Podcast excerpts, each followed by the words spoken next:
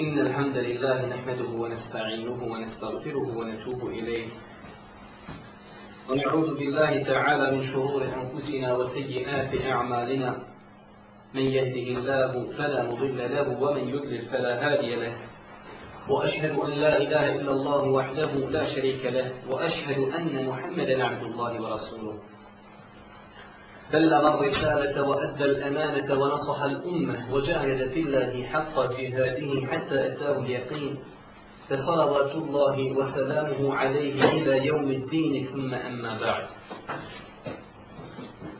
زيز تسرف زهر طيفة أزوشن الله سبحانه وتعالى Donosim mu salavat i selam na posljednjeg Allahovog poslanika, Allahovog miljenika Muhammed alaihi salatu njegovu porodicu, časne ashabe i sve one koji slijedije na putu istine do sudnjega dana.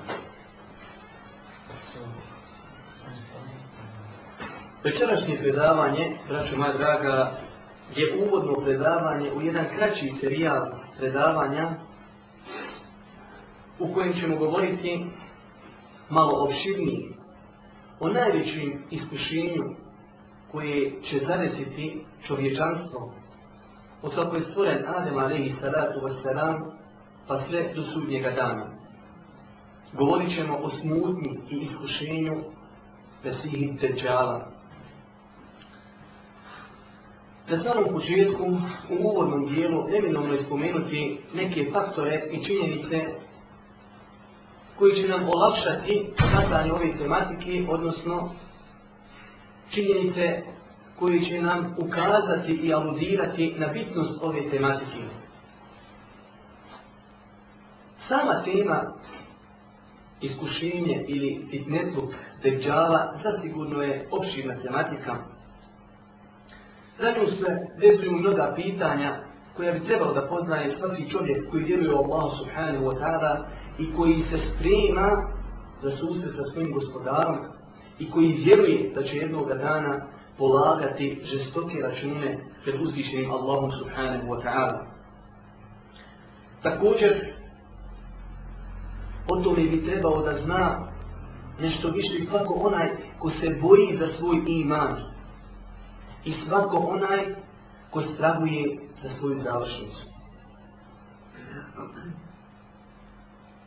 Mu'min, vjernik, čovjek koji vjeruje u Allah subhanahu wa ta'ala i sudnji dan, treba da zna i da bude uvjeren da će svaki čovjek na sudnjem danu biti proživljen onako kako je umro. Možda se neko zapita zašto ćemo citirati ovaj hadis i nekoliko naredni. Braćo moja draga, čovjek treba da zna i da vjeruje, da bude uvjeđen da će proživljen biti na sudnjem danu onako kako je preselio. Zašto nam je to bitno? Iz razloga. Čovjek može biti pokuran Allahu grob 60 godina, pa da Allah iskuša na kraju života počini dijelo koje izvodi iz pa se ne pokaje, on će tako biti proživljen na sudnjem danu. Kako je veza ovoga sa Deđalom? Velika veza, braću moja draga, ako Allah subhanahu wa ta'ala nekoga iskuša time da doživi vrijeme kada će se pojaviti Deđal. Ako je prije toga čitav život bio dobar vjernik, ali tada padne na, padne na tom iskušenju, on će na sudnjem danu biti proživljen pod zastavom Deđala na osnovu, znači ovo sve što spominjemo, zaključili smo na osnovu riječi Allahog poslanika koji zabilježi ima muslim, od radi Allahu ta'ala da je Allah poslanik kazao Yuba'athu kullu abdin ala ma mata Svaki čovjek na sudnjim danu će biti proživljen onako kako je preselio. Također, čovjek vjernik bi trebao da strabuje za svoju završnicu i da zna da se djela na sudnjem danu, kao što i kod nas ovdje na Dunjavuku se vrednuju po završnicama. Pogledajte primjera radi, evo rećemo utakmice. 90 minuta može biti 2-0. I ako u zadnjoj minuti oni koji su gobili 2-0 zakucaju 3 gola, oni su pobjedili. Znači i na Dunjaluku i na Ahiretu djela se vrednuju po završnicama. A čovjek vjernik bi trebao tome da posvećuje veliku pažnju. Kaže Allah poslanik Ali Saratu Veselam također u hadisu koji je zabilježio Buharija i Muslim. Zaista će neko od vas raditi dijela stanovnika dženeta, Ali kaže, to je samo u očima ljudi dijelo stanovnika dženeta, Ali on kaže u osnovi od stanovnika džehennema. A drugi će, kaže, raditi dijela od stanovnika džehennema, ali kaže to je samo u očima ljudi djelo stanovnika džehennema, a on je, kaže, osnovi džennetlija. I kaže Allah poslanik na kraju tog hadisa al a'manu bil havatim Zaista se djela vrednuju po završnicama. Djela se, braću moja draga, u ovoj našoj vjeri vrednuju po završnicama. Poslušajte također hadis koji se vježu imam Buharija i Muslim od Bala ibn Aziba da vidimo i da potvrdimo tu činjenicu da se vjera, da se djela u islamu vrednuju po završnicama. Kaže da ibn Azib, Allah poslanik je prilike krenuo u džihad. I dolazi mu čovjek nevjernik i kaže, čovjek koji je bio spreman za borbu, čak ga opisuje i ibn Azib, imao, kaže, imao je kacigu na svojoj glavi.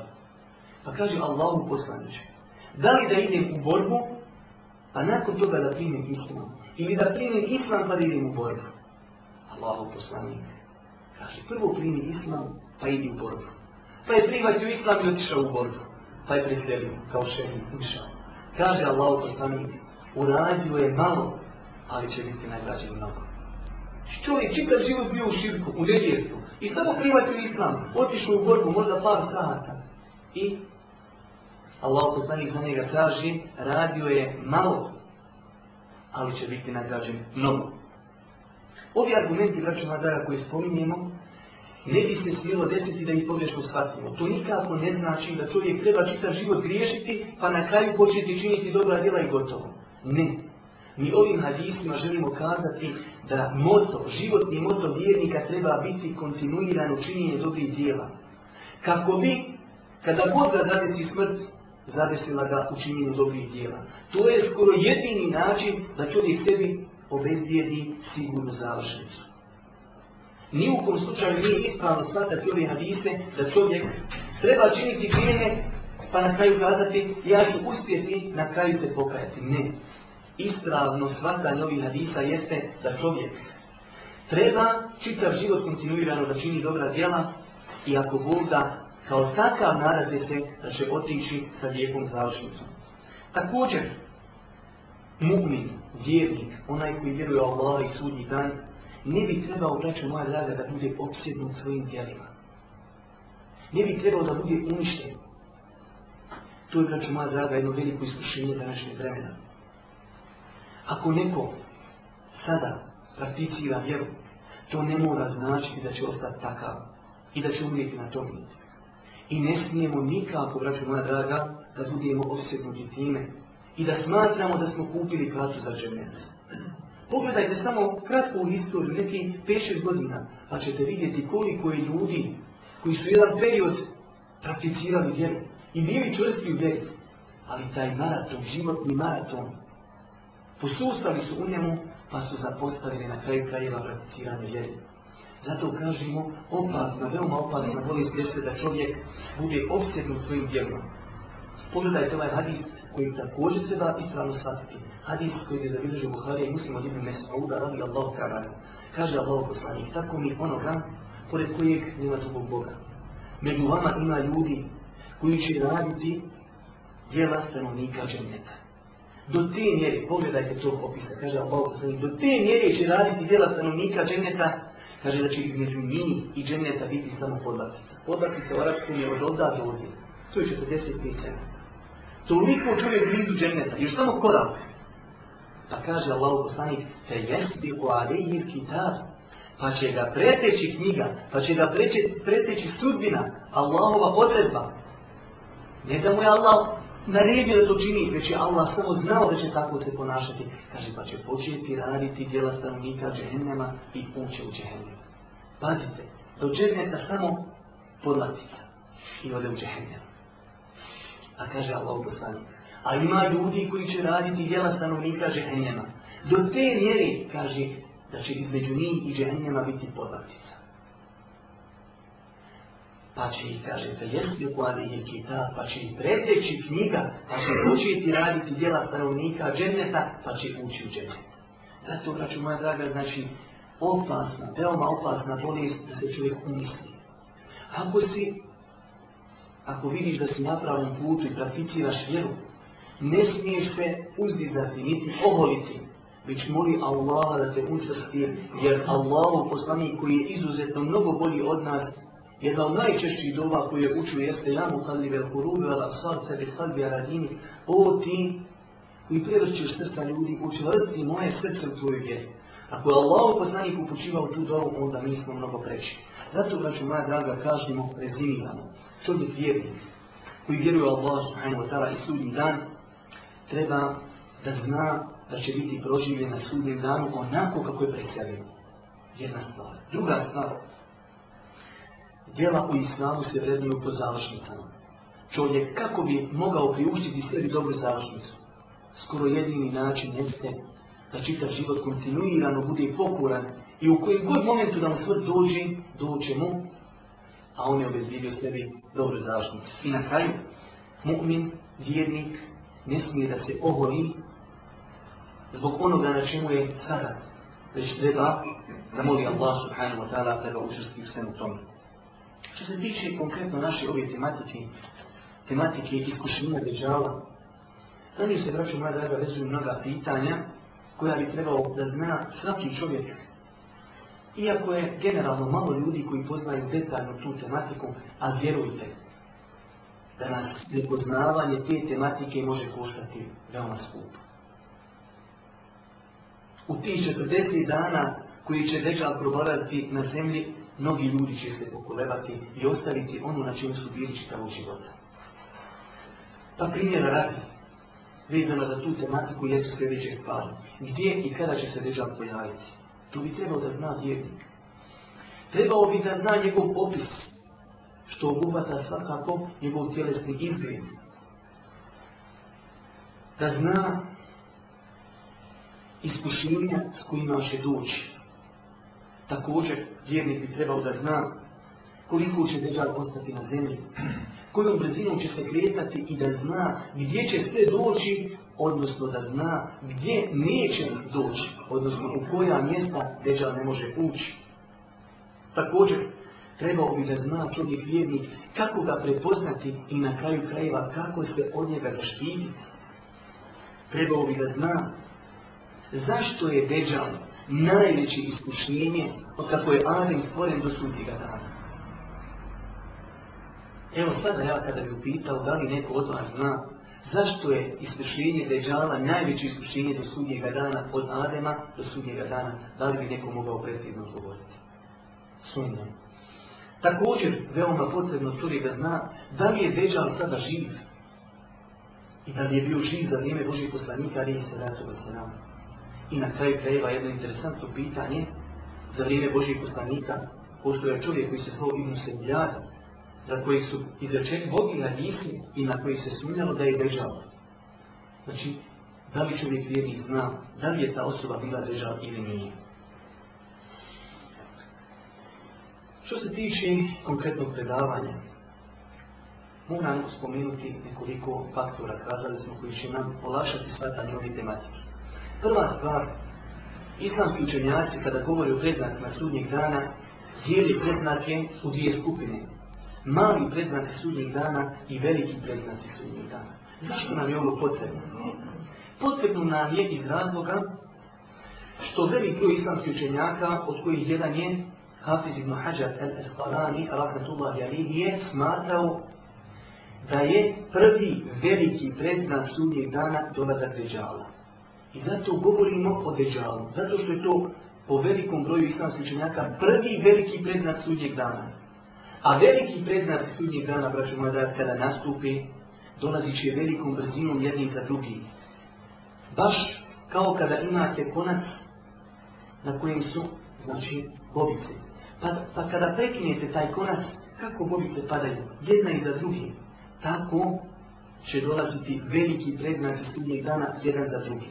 I to nije moje poređenje, jer ja se ne bi svetio takvo poređenje, ovaj, spomenuti, to je poređenje Allahu poslanika alaihi sallatu wasallam. Allahu poslanika alaihi sallatu wasallam u hadisu koji je Šihan Bani ocenio kad od Abdullah ibn Amara se prenosi da Allahu poslanika alaihi sallatu wasallam kazao Preznaci sudnjeg dana su kao zrnjevne natičeno na konac. Kada pukne konac, slijedit će jedni drugi. Znači, tako će veoma brzo dolaziti. Zato nam je interesantno da govorimo o Deđalu kao prvom predznaku, velikom predznaku sudnjega dana. Sada se postavlja jedno pitanje, a to je vrijeme u kojem će se pojaviti dečal. Da li je to vrijeme blizu ili je daleko? Normalno, odgovor na to ne možemo dati precizno. Ali možemo, braću moja draga, spomenuti neke činjenice iz kojih ćemo shvatiti da li je to vrijeme daleko ili je to vrijeme blizu. Kako ćemo to znati? značimo ako spomenimo nekoliko malih predznaka sudnjeg dana, pa kada vidimo da se izuzetno velik broj, ako ne svi, mali predznaci sudnjeg dana, ako su se obistinili, ako su se već desili, onda, braću moja draga, je svakako očekivati da počne zrnije velikih preznaka sudnjeg dana da pada jedno sa drugim. Pa pogledajte samo nekoliko malih preznaka sudnjih dana da napravimo tu ovaj komparaciju i da vidimo jesu li se ti preznaci, mali preznaci sudnjih dana već obistinili. Primjera radi. Zar mi Allah poslani kaže neće nastupiti sudnji dan sve dok se ljudi ne budu natjecali u ukrašavanju džamija. Ili se ispunio ovaj prednak sudnjih dana? Ne treba tići u Tursku, jer Turska je poznata po najšarenijim džamijama na svijetu, ali možete komotno otići kod nas u velik broj džamija pa ćete vidjeti da se ovaj predan sudnjeg dana već poodavno, poodavno ostvari. Zar nije kazao Allah poslanik, kada se izgubi povjerenje, očekujte sudnji dan. Onda mi smo već poodavno mogli očekivati sudnji dan kod nas se, braćo moja draga, već podavno izgubilo povjerenje, pa čak kod onih koji se smatraju nosiocima vjeri u ovom vremenu, izgubilo se povjerenje. Znači, kaže Allah poslanik, kada se izgubi povjerenje, očekuj, pre, očekuj sudnji dan. Znači, mi već podavno trebamo očekivati sudnji dan. Kaže Allah poslanik, vi se ratu wasalam, neće nastupiti sudnji dan dok se među vama ne proširi i pojavi harče. Kažu ashabi, a šta je to herđa Allaho poslanče? Kaži, ubijstva, ubijstva, mnoštvo ubijstava. Neće nastupiti sudnji dan dok se među vama ne proširi herđ. Jer se proširio herđ. Pa na svakom koraku, ubijeno 10, ubijeno 20, ubijeno 50, ubijeno 100, na svakom koraku ubijstava. Također, kaže Allah poslanik Ali Saratu nam neće nastupiti sudnji dan sve dok ne bude mnogo zemljotresa. Pogledajte, samo znači kada gledate dnevnike, danas u Turskoj, sutra u Indoneziji, preko sutra u Maliziji, Japanu i ostalo. Znači non stop zemljotres. I ovaj predznak sudnjeg dana se obistinio. Kaže Allah poslanik, Zaista je prednaka sudnjeg dana da će čovjek nazivati selam drugima. Ali kaže, neće im nazivati selam osim iz jednog razloga, a to je zato što ih, kaže, pozna i zato što ih zna. Jer se obistinio taj prednak sudnjeg dana? Ljudi nazivaju selam jednim drugima iz jednog razloga, samo zato što se poznaju. Oni to pokazuju svojim djelima, zato što ne nazivaju selam onim ljudima koji ne poznaju, pa makar znali da su ti ljudi muslimani. Kaže Allah poslanik Ali Salatu zaista od ka sudnjeg dana i pojava iznenadne smrti. Pogledajte, čuješ čovjek imao 40 godina, infra, srca, mrtva. Ovaj čovjek imao 25 godina, možda ni 30 godina srčan i na svakom koraku. Ma kaže, nije volovao ništa, samo gledao spavat, nije ustao. Jel se obistinio taj preznak sudnjeg dana? Svakako jeste. Kaže Allah poslanik ali se ratu nam, tako mi onoga u čijoj ruci moja duša. Neće se Dunjanog završiti sve dok čovjek ne bude prolazio pored kabura. Pa kaže, zaustavi se pored tog kabura i govori, kamo srećim da sam ja u ovom kaburu. Pogledajte kakva su teška vremena. Zamislite kako je našoj braći u Palestini, u Iraku, u Čečinu. Jer, mislite da mi 92. nismo prolazili pored onih kaburova i govorili kamo sljedeći da nisam ja, da sam ja u ovome kaburu. Također kaže Allah poslanik Ali se radi tako mi onoga u čioj ruci moja duša. Neće se završiti ovaj dunjalu sve dok čovjek ne uzme ženu i počini sa njom blud na putu. Pa će najbolja osoba i najbolji čovjek tog vremena biti onaj koji im kaže da ste se makar sklonili tamo iza zina. Neće im kazati nemojte činiti. Kao što danas imate propagandu kada govori o sidi. Ne kažu, nemoj činiti prostituciju. Već kaži, koristite ono što ne trebate. I to, u to vrijeme najbolji insan će biti onaj koji kaže da ste se samo sklonuli. Ne kaže, nemojte to činiti. I samo kaže da ste se sklonuli. Jesu li došla, kaže moja draga, ta vremena? Zato vidimo iz svega spominutog iz ovih preznaka, iako je njih mnogo više, ali vidimo da se većina tih malih preznaka sudnjeg dana odistinila. U tome, braću moja draga, je muđizam, Potvrda istinitosti Allahu poslanika, ali se ratu seram i onoga čime je on došao, ali s druge strane, u tome je milost Allaha prema njegovim robovima. Kako? Prvo svi znamo da niko ne zna, ni jedno stvorenje pa čak najodabrani da brani poslanicima veliki ne znaju kada će sudni dan. Ali Allah, koji je milosti prema svojim robovima, dao je prvo mali preznake sudnjeg dana. I svi mi njih vidimo. Pa nakon toga i veliki preznaci sudnjeg dana, kako bi se ljudi pokajali, kako bi ljudi shvatili da je blizu sudnji dan. To je Allahova milost prema njegovim robovima. Jezda da ne zna se kada će sudnji dan, ali je toliko prednaka sudnjih dana da razuman čovjek će shvatiti da treba da se pokaje i da treba da bude pokorni Allah subhanahu wa ta'ala rob, jer svakog dana može nastupiti period kada se više tauba i pokajanje neće prihvatati. Također, kada govorimo o ovom pogladu, znači sve su ovo neki faktori koji nam olakšavaju shvatanje ove tematike, treba da znamo da govor o veđalu, da potpada pod pogladu gajba, nevidljivog svijeta mi muslimani smo obavezni da vjerujemo u gajb, u pojavu deđava, u postojanje meleka i mnoge druge stvari, ali zašto mi ovdje ovo spominjamo? Spominjemo iz razloga da nije dozvoljeno čovjeku da govori o deđalu osim na osnovu validnih i vjerodostojnih argumenata. Jer ne možemo mi govoriti o deđalu na osnovu svog razuma jedini način kako možemo saznati nešto o dežalu jeste objava. Da li to bilo putem Kur'ana ili putem sunneta Allahog poslanika. Ne postoji drugi način da saznamo nešto o Dejjalu. Zato ćemo mi u ovom predavanju pokušati malo više pažnje obratiti izredbe hadisa, znači spominjanju ko prenosi koji hadis, iako vi znate kakva je kod nas praksa na predavanjima, da uvijek spominjemo ocjene za hadise i da je generalno praksa da na mojim predavanjima se spominju samo vjerodostojni hadisi, a kada se spomeni daif hadis, onda se to obavezno spomeni daif hadis u većini slučajeva. Ja spominjem samo ako je u pitanju hadis čije značenje je ispravno. Napokon dolazimo do tog nekog početka govora o mesihim Deđalu. Na samom početku treba da znamo, braću moja draga, da je iskušenje Deđala zasigurno najveće iskušenje koje će zadesiti čovječanstvo. Ne muslimani, čovječanstvo. I da je to najveće iskušenje od kako je Allah subhanahu wa ta'ala stvorio Adema pa sve do sunnjega dana. Pogledajte kratko. Samo malo kroz historiju. Kroz šta sve je čovječanstvo prolazilo, odnosno i kroz sve što su prošli muslimani, pa da vidite da napravimo komparaciju onda sa dječavom. Prisjetite se samo vremena, vremena Musa, ali i salatu vasanam, i vremena faraona, kada se faraon proglasio božanstvo, kada je ubijao mušku djecu, a ostavljao u životu žensku djecu, sve kako bi njegov krvali pir što duži trajao i njegovo nasilno vladanje.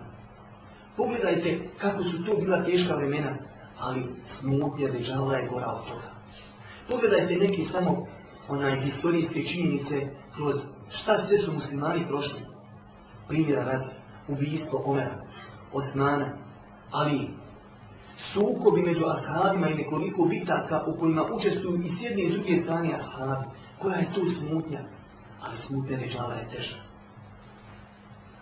Nakon toga dolazi period kada keramita, jedna poznata sekta pod vodstvom Ebu Tahira, El Kurmutija, dolazi u Meku za vrijeme hađa, odnosi hađerun Esved, koji je ostao kod njih duži niz godina, pobijaju skoro sve hađije koji su te godine došli na hađ i bacaju i u bunar zemzema. Zamislite tu iskušenje. Nakon toga dolazi krvavi pir Tatara i njihov ulazak u Bagdad, kada su Bagdadom tekle rijeke krvi muslimanske. Nakon toga dolazi, dolazi križarski ratovi. No šta su sve muslimani u tim križarskim ratovima prošli? Pa evo šta danas doživljavamo na svakom koraku. I opet, braću moja draga, sve ovo što smo spomenuli ne može se porediti sa smutnim državom.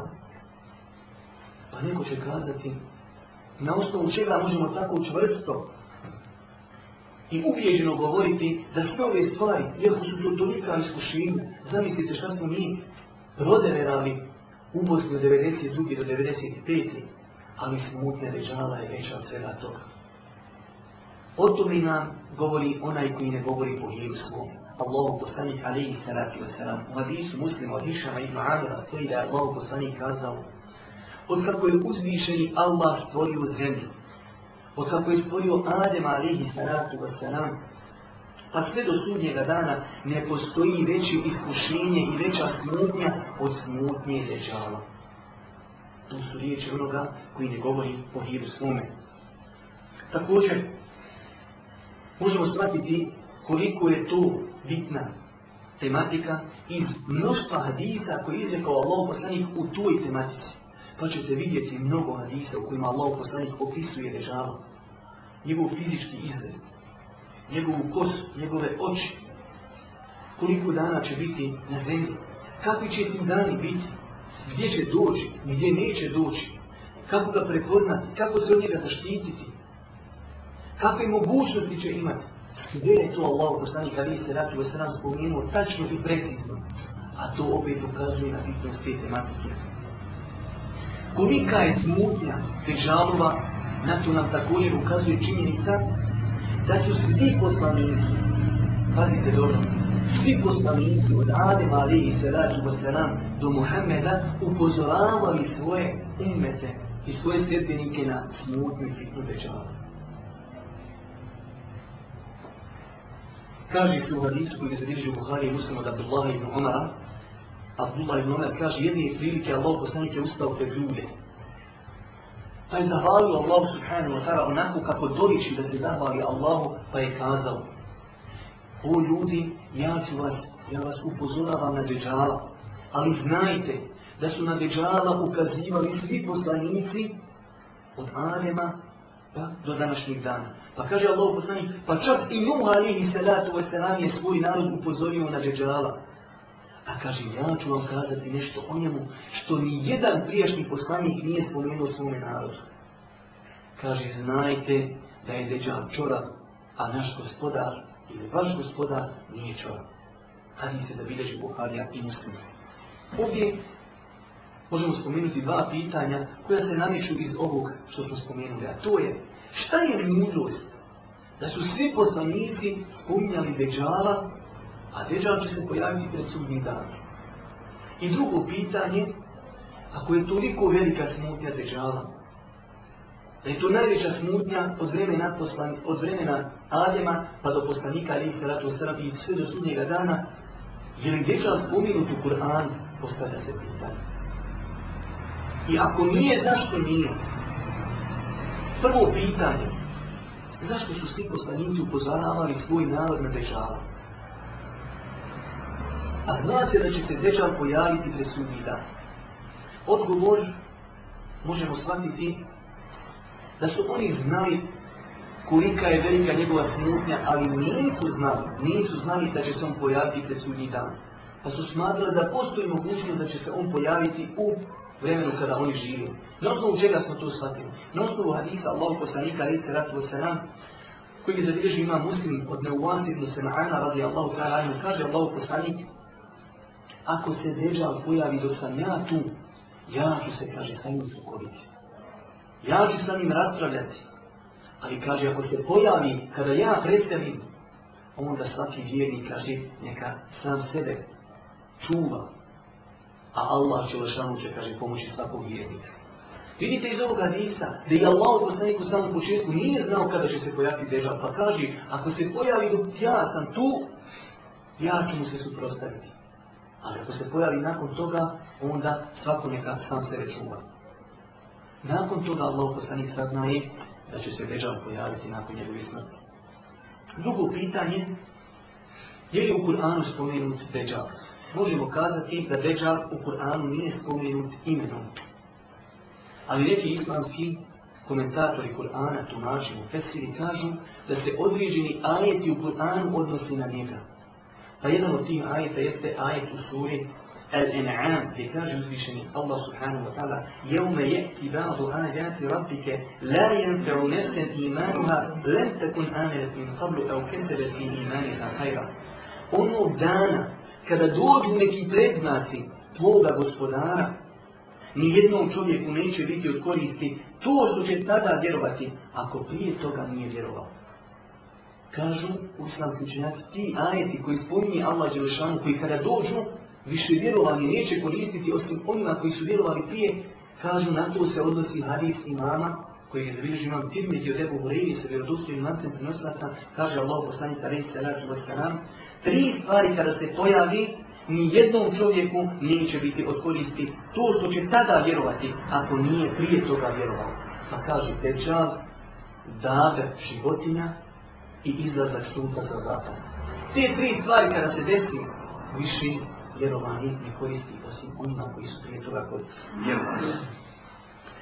A ima učenjaka koji kažu, ovi ajeti se ne odnosi na Dejjala i Dejjal uopšte nije spomenut u Koranu, ni direktno, ni indirektno. I oni kažu, zašto Allah Želšanu nije spomenuo Deđala, pa kažu, ihtiqara dehu, ponižavajući ga i ne obraćajući na njega pažnju, znači jednostavno omalovažavajući ga, Allah Đelešanu ga nije spomenuo u Kur'anu. Također, možemo spomenuti jedno interesantno pitanje, to je zašto uzvišeni Allah takvim teškim iskušenjima će iskušati narod? A vidjet ćete sada kako će ta iskušenja biti teška. Jednostavno, braću moja draga, da bi se vidjelo ko istinu govori, a ko laži. Kažu, Allah u prvim ajetima sura Ankebut, Elif, La, Min, Ehasib en nasu jutraku en jakulu amenna, ovom la Misle ljudi da će biti ostavljeni da kažu mi vjerujemo, a da neće biti iskušani. Vjerujte, braću moja draga. Ja sam to prepoznao na sebi, a slušao sam i od većih učenjaka i alima koji su alimi svjetskog kalibra, koji kažu dok nisu počeli iščitavati ovu tematiku i pripremati predavanja ovome, nisu znali veličinu iskušenja nesih težala. Vjerujte, isti slučaj sa mnom. Nisam nikad, znao sam Deđal veliko iskušenje, ali kada sam počeo pripremati ovo predavanje, djelimično sam shvatio koliko je iskušenje i Teđala i zašto je to najveće iskušenje od Adima alihi selam pa sve do sudnjega dana. Zato smo mi do kraja predavanja pokušati spomenuti samo nekoliko faktora i činjenica da shvatimo koliko je to iskušenje. Jer ako shvatimo koliko je to iskušenje, onda ćemo se adekvatno interesovati za tom tematikom i to će na kraju krajeva utjecati na nas da se pripremamo za taj moment. Ako ne shvatimo bitnost te tematike, onda se ostalo zasigurno će biti mnogo manje interesantno. Pogledajte samo kako će vrijeme predvoditi dežalu, koje materijalne poteškoće će ljudi doživjeti, i onda dolazi Deđal koji kaže nebu, spusti kišu, a kiša pada. Kaže zemlji, nek izraste iz tebe tvoji plodovi, a zemlja to učini. Kaže Allah poslanik Ali se radi vas Disu. A hadisu, hadisu čiju vjerodostojnije se potvrdio imam Ibn Kathir, rahmetullahi alaihi. Kaže Allah poslanik Ali se radi vas prije dolazka iz dežava to doći će tri godine.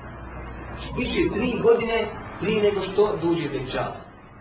Kaže, u prvoj godini Allah Želešanu će narediti nebu, nebesima, da uskrati trećinu kiše, a zemlju će narediti da uskrati trećinu plodova. U drugoj godini će narediti nebu i nebesima da uskrati dvije trećine kiše, a zemlji da uskrati dvije trećine plodova. A u trećoj godini će, kaže, narediti nebesima da uskrati svu kišu, a zemlji da uskrati sve plodove. Kaže Allah poslanik do te mjeri da će uginuti svaku hajvančinu na zemaljskoj kuli. Sve će uginuti. I pogledajte, u tom momentu dolazi teđa. Pa kaže Allah poslanik u nastavku hadisa, najteža smutnja će biti kada dođe beduinima, arapima, kojima su izumrle njihove deve, nešto najvrednije koji njih pa im kaže, šta mislite kada bi vam oživio vaše deve? I to kaže debele, navrekli imena, ste li vjerovali u mene? kaže, pa normalno da bismo vjerovali u tebe, jer ne može učiniti niko si uzvišeni Allah. Kaže, pa će se šeitani pretvoriti u deve, pa će oni, kaže, povjerovati u njega. Pa će doći drugom čovjeku, pa će mu kazati, šta misliš ako bi oživio tvoje roditelje, da li bi vjerovao u mene? Kaže, kako ne bi, jer ne može uživjeti nikom osim gospodar. Kaže, pa će se šeitani pretvoriti u njegove roditelje, pa će povjerovati u njega, pa će biti od njegovih sljedbenika. Pogledajte tu iskušenje. Pogledajte tu iskušenje i težini tog momenta. Kako god, braćo moja draga, ti momenti su teški. S druge strane, Allahova pravda, apsolutna pravda, i tog momenta se može primijetiti. Allah je poslao Dejjala kao veliko iskušenje, ali s druge strane, dao je jasne pokazatelje, koji ćemo mi ako Bog da sljedeći predavanje spomenuti, koje može spoznati svako i učen i neučen i, i čovjek koji zna i koji je neuk. Šta mislite? Allah Đelešanu će dati da na njegovom čelu piše K, F, R, kafir.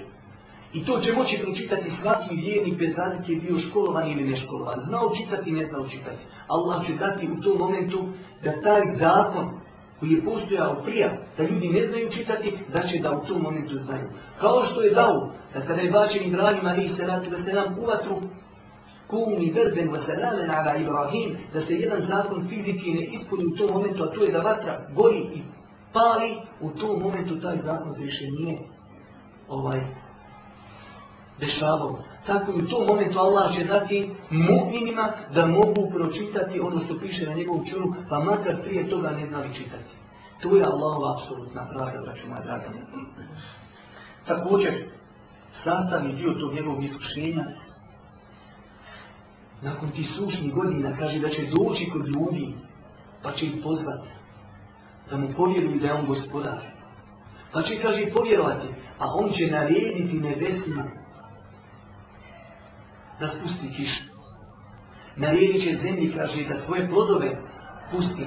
Pa će, kaže, nebo pustiti kišu, a plodovi će izrasti iz zemlje do te mjere, kaže, da će ljudi slati svoju stoku na pašnjake. Kaže, nikada prije takvu njihova stoka nije bila debela i nikada nije dolazila sa većim dimenima, nabreknutim dimenima.